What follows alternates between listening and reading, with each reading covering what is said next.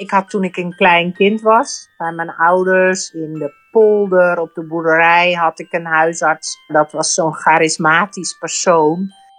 En die zei altijd, vroeg naar bed. Want de uren voor twaalf tellen dubbel.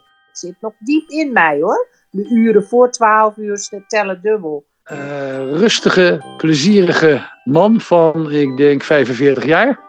Die uh, ja, veel oog heeft voor zijn patiënt, maar ook oog heeft voor vernieuwing. Een man die goed, uh, goed luistert. Het is niet zo dat hij de baas speelt, helemaal niet. Het zijn er twee en ik uh, vermijd die andere een beetje. Zou het misschien inderdaad wat uh, iets persoonlijker of zo mogen zijn? Prima houding, ja.